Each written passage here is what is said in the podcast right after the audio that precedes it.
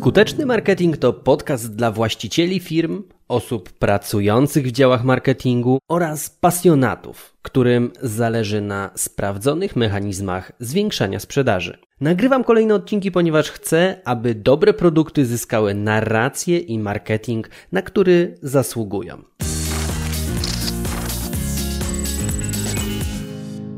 Marketing sprzedaży nierówny?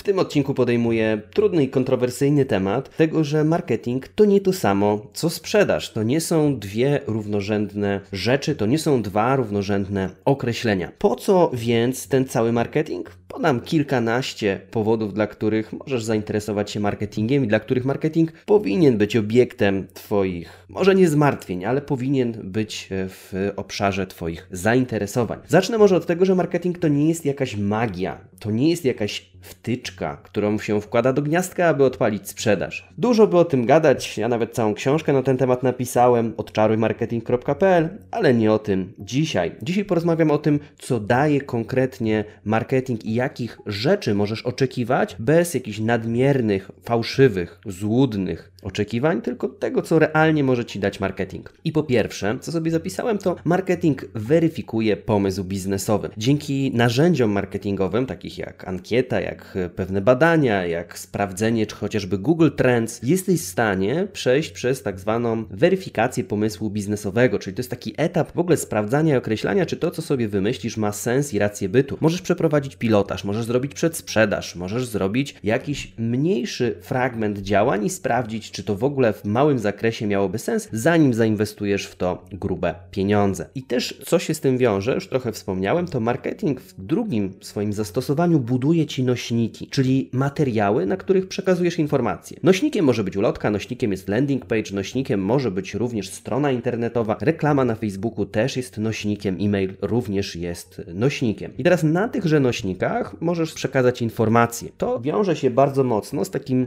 pobocznym efektem marketingu, jakim jest opakowanie graficzne, czyli to pierwsze wrażenie, które robisz, jak ktoś wchodzi na chociażby Twoją stronę internetową, czy ogląda stopkę w Twoich wiadomościach e-mail, czy też masz papier firmowy, czy teczkę, no wszystkie te rzeczy, którymi się stykamy. No i z racji tego, że ludzie nie są raczej zbyt racjonalni w swoim postępowaniu, jakkolwiek by to nie zabrzmiało, no i podejmują decyzje emocjonalne. No i teraz podejmują też często na zasadzie, czy mnie się to wizualnie podoba, czy to jest proste, czy tu nie ma jakichś zagrożeń, czy to jest takie estetyczne, czy to jest przewidywalne w swojej budowie i konstrukcji, na przykład ta strona internetowa, czy wszystko tutaj działa. No i tak na tej podstawie wyrabiają sobie opinie na temat właśnie firmy. No więc warto dobrze się marketingowo, graficznie opakować, po to, żeby robić pierwsze dobre wrażenie i na tej takiej warstwie emocjonalnej, gdzie klient jeszcze Ciebie nie zna, no to dostarczyć mu dobrych odpowiedzi i dobrych danych na temat Twojej firmy. Co jeszcze daje marketing? Marketing daje Ci zasięgi poprzez reklamy, bardzo często performance marketingowe, czyli takie, w których płacisz za określony wynik. PPC, czyli płatność za kliknięcie, czy też płatność za tysiąc wyświetleń.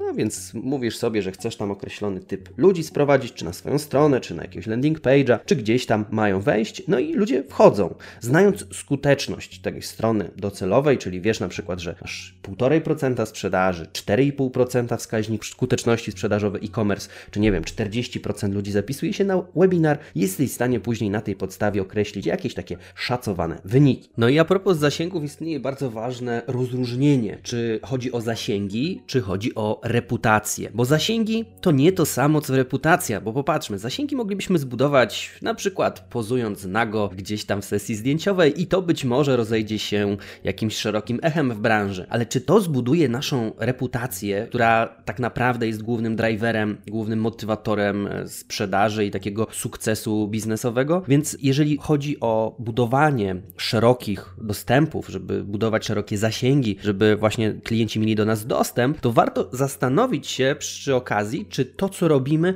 buduje jednocześnie naszą reputację. Bardzo ważny punkt. I to, czego nie można zapomnieć w przypadku zasięgów, wspominałem o Google Adsach, Facebook Adsach, tu można jeszcze dołożyć YouTube Adsy, na Instagramie reklamę, wszelkie fora, e, które dają możliwość płacenia za wyświetlenie banerów, za wyświetlenie reklam. Natomiast e, nie można zapominać o potędze SEO, o potędze pozycjonowania, w szczególności takiego zakresu merytorycznego, dzielenia się swoją wiedzą właśnie w formie materiałów chociażby blogowych, które są dobrze uzbrojone we frazy kluczowe, dobrze uzbrojone w materiały multimedialne, Te rzeczy również możemy delegować działom marketingu, aby oni zajęli się produkcją tej warstwy, nazwijmy to pozycjonerskiej, czyli dołożenie słów kluczowych. To, co ja widzę jest jednak kluczowe w tej współpracy, to żeby takim podmiotom, które będą zajmowały się optymalizacją pod algorytmy tekstów, dostarczyć wsad merytoryczny. No bo zakładam, że jeżeli firma jest ekspertem w tym, co robi, to ma coś do powiedzenia na dany temat i powinna te taką niedostępną publicznie, taką pogłębioną wiedzę, pogłębione przemyślenia i też wnioski rynkowe, no właśnie przekazywać w formie wsadu merytorycznego ludziom, którzy pracują nad artykułami. No bo to jest o tyle ważne, że jeżeli pozycjoner, który raz opowiada o klatkach dla chomików, potem opowiada o szkoleniach sprzedażowych, a na koniec o cateringu dietetycznym, no on nie, nie do końca będzie miał taką pogłębioną wiedzę. On się zna, jak działają algorytmy, ale trzeba go wyposażyć w wiedzę i w niuanse, które uczynią te artykuły ciekawszymi.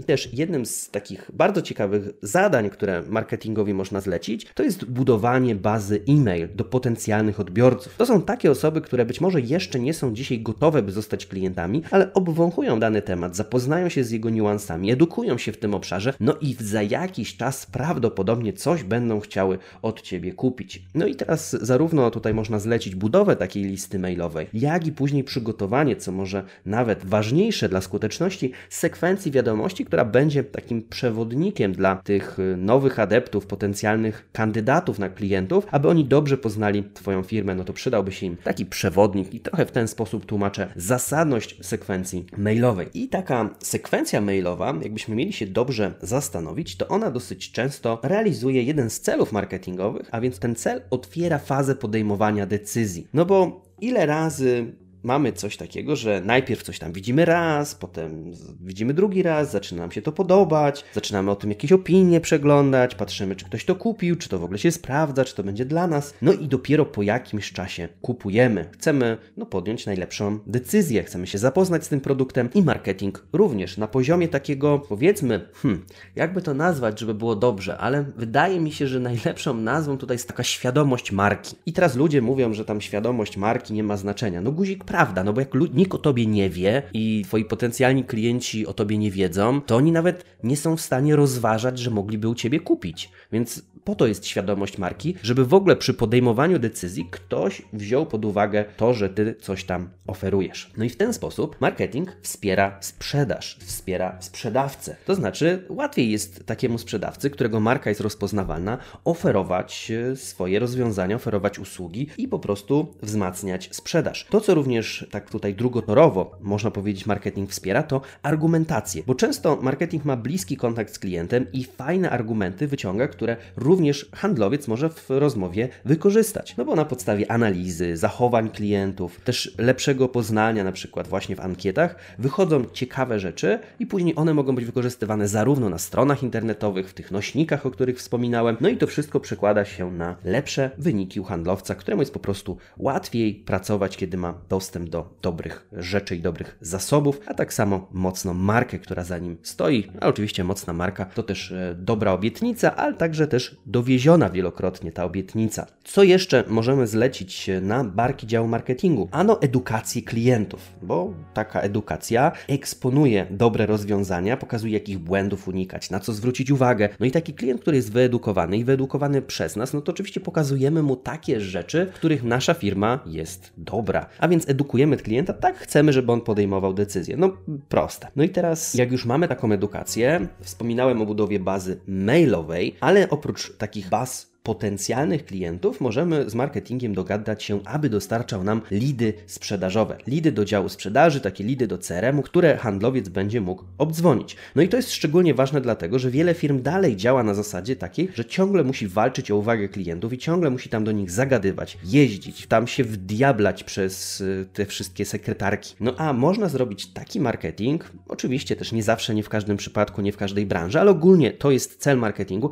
żeby klient sam przychodził sam się zgłaszał i żeby nie trzeba było go wyszarpywać pazurami z rynku. No i to jest dosyć ciekawa opcja, która naprawdę zmienia perspektywę pracy działu sprzedaży, kiedy to handlowcy otrzymują zapytania tam, gdzie są petentami właśnie w tych sekretarkach, to klient się tak naprawdę no, stara o naszą uwagę, no bo to on się do nas zgłosił, chce to dobrze też ubrać w słowa, ale warto właśnie tak budować marketing, aby to klienci sami przychodzili. No dobra, co dalej z tym marketingiem? No można tutaj zlecić mu obszar planistyczny, obszar planowania działań promocyjnych, tak żeby mieć poczucie kontroli nad tym wszystkim, aby przestać biegać jak chomik w kołowrotku i na przykład y, takiego mieć taki efekt, że wykonuje się dużo ruchów, ale ma się zerowy progres, co jest bardzo nieprzyjemnym uczuciem, bo człowiek jest zmęczony, nic z tego nie wyciągnął, no ale dużo, dużo wykonał kroków i działań. No niestety, ale to się też dosyć często zdarza i teraz dział marketingu powinien w taki sposób planować e, aktywności, aby raz wykonane rzeczy mogły pracować na naszą korzyść, na nasze rezultaty przez cały czas. I cały ten mechanizm, dobrze skonstruowany, buduje pozycję na rynku, daje rozpoznawalność, co też podnosi poziom zaufania do firmy, klientom daje poczucie bezpieczeństwa, bo widzą profesjonalistów po drugiej stronie. No i jest taka zasada, dosyć ważna i też w wielu obszarach ma zastosowanie, że najlepsi gracze, A-players, chcą grać z innymi A-players. To oznacza, że najlepsi chcą pracować z najlepszymi i dzięki swojemu marketingowi możesz to pokazać. No i na sam koniec, ostatnia warstwa tutaj, którą realizuje marketing, to on pozwala w ciekawy sposób opowiedzieć o produkcie. Pozwala na nowo stworzyć jakąś narrację wokół niego, stworzyć taką nazwijmy to storytellingową opowieść, którą tobie będzie łatwo przekazywać i być może, co już usłyszałem też kiedyś od jednego ze swoich klientów, że on, tak jak mi powiedział, jak ja tam opowiedziałem o jego biznesie, to skomentował to, że on na nowo zaczyna wierzyć i cieszyć się i jarać tym, co robi. No bo w taki sam sposób opowiadał przez tam 10 lat, no i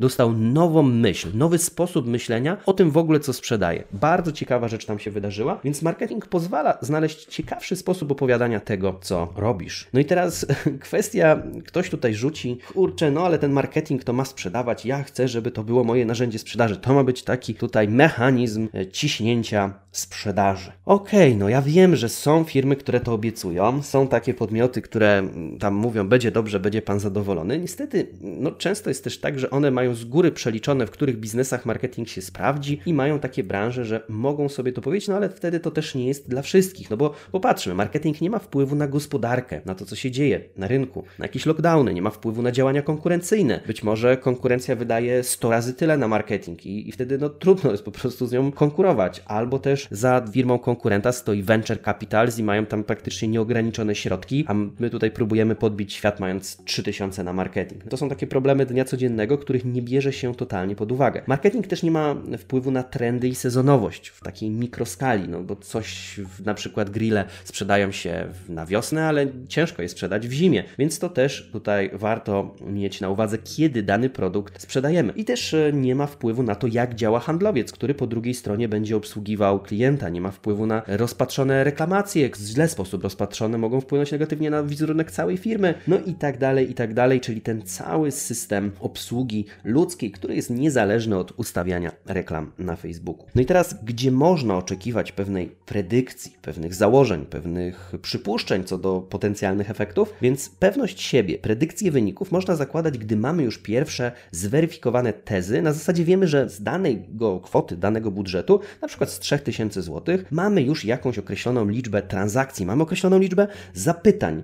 No i zakładamy sobie w takim scenariuszu, że przy 6 tysiącach możemy liczyć na 80% tego efektu. Dlaczego nie na 100 ktoś zapyta? No tu jest też pewne doświadczenie za tym, że to nigdy nie jest tak, że budżet 1 do 1 się przekłada, że jak wydajemy 100 zł i mamy 10 zapytań, to jak wydamy 200, to będziemy mieć tych zapytań 20. Oczywiście w pewnych sytuacjach tak się też dzieje, ale ja wolę założyć taki mniej optymistyczny scenariusz i pozytywnie się zaskoczyć, niż coś z góry nad wyraz obiecywać. Więc też pewne tezy sprawdzone, one nas prowadzą do późniejszych, lepszych wniosków. Ale to nigdy nie jest tak, że ktoś tam bierze, pije kawę, zostają fusy na dnie, palcami tam przebiera w tych fusach i mówi: Mam wynik, wiem jak będzie. No raczej to zawsze jest kwestia analizy tego, co działo się wcześniej, co działało, co nie działało i na, na tej podstawie wyciągania wniosków. I najgorszy scenariusz, y, to taki, który też dosyć często się zdarza, to najtrudniej, a wręcz nie da się przewidzieć efektów przy małym budżecie typu 500 zł lub też na samym starcie prowadzenia firmy. Dlaczego to nie jest możliwe? No bo mamy zbyt mało danych, zbyt mało zmiennych, no i na tej podstawie trudno jest przewidzieć, co się tak naprawdę wydarzy i naszym celem nie jest wtedy przewidywanie w ogóle wyników i wieszczenie jakiegoś sukcesu, ale naszym celem jest tak naprawdę walidacja pomysłu biznesowego i w ogóle sprawdzenie, czy to ma rację bytu. I to jest dobry cel, który warto sobie postawić na samym początku. No dobra, więc podsumujmy, po co ten marketing, co można osiągnąć i jakie rzeczy może nam przynieść. Po pierwsze, wspomniana weryfikacja pomysłu biznesowego, budowa nośników i materiałów do wykorzystania, organizowanie zasięgów, dawanie zasięgów, budowanie bazy e-mail, otwieranie fazy podejmowania decyzji, wspieranie sprzedaży, edukacja klientów, dostarczanie lidów do działu handlowego, planowanie działania, by nie było chaosu. Daje dobry wizerunek, który powoduje, że klienci mają poczucie bezpieczeństwa i także pozwala w ciekawy sposób opowiedzieć o produkcie, wykorzystując na przykład konceptualizację lub story telling. Tak to jest, więc sporo, sporo marketing daje, daje oczywiście jeszcze więcej, ale wtedy ten odcinek musiałby trwać pewnie ze dwie godziny, jakby musiał o wszystkich zastosowaniach opowiedzieć, a jak wiesz, zawsze mój podcast jest krótki i konkretny. Liczę na to, że po wysłuchaniu tego odcinka rozszerzy się Twój sposób patrzenia na marketing, tymczasem słuchaj, wdrażaj i zarabiaj. Ja trzymam za Ciebie kciuki i zapraszam do wysłuchania kolejnych, krótkich i jednocześnie merytorycznych odcinków podcastu.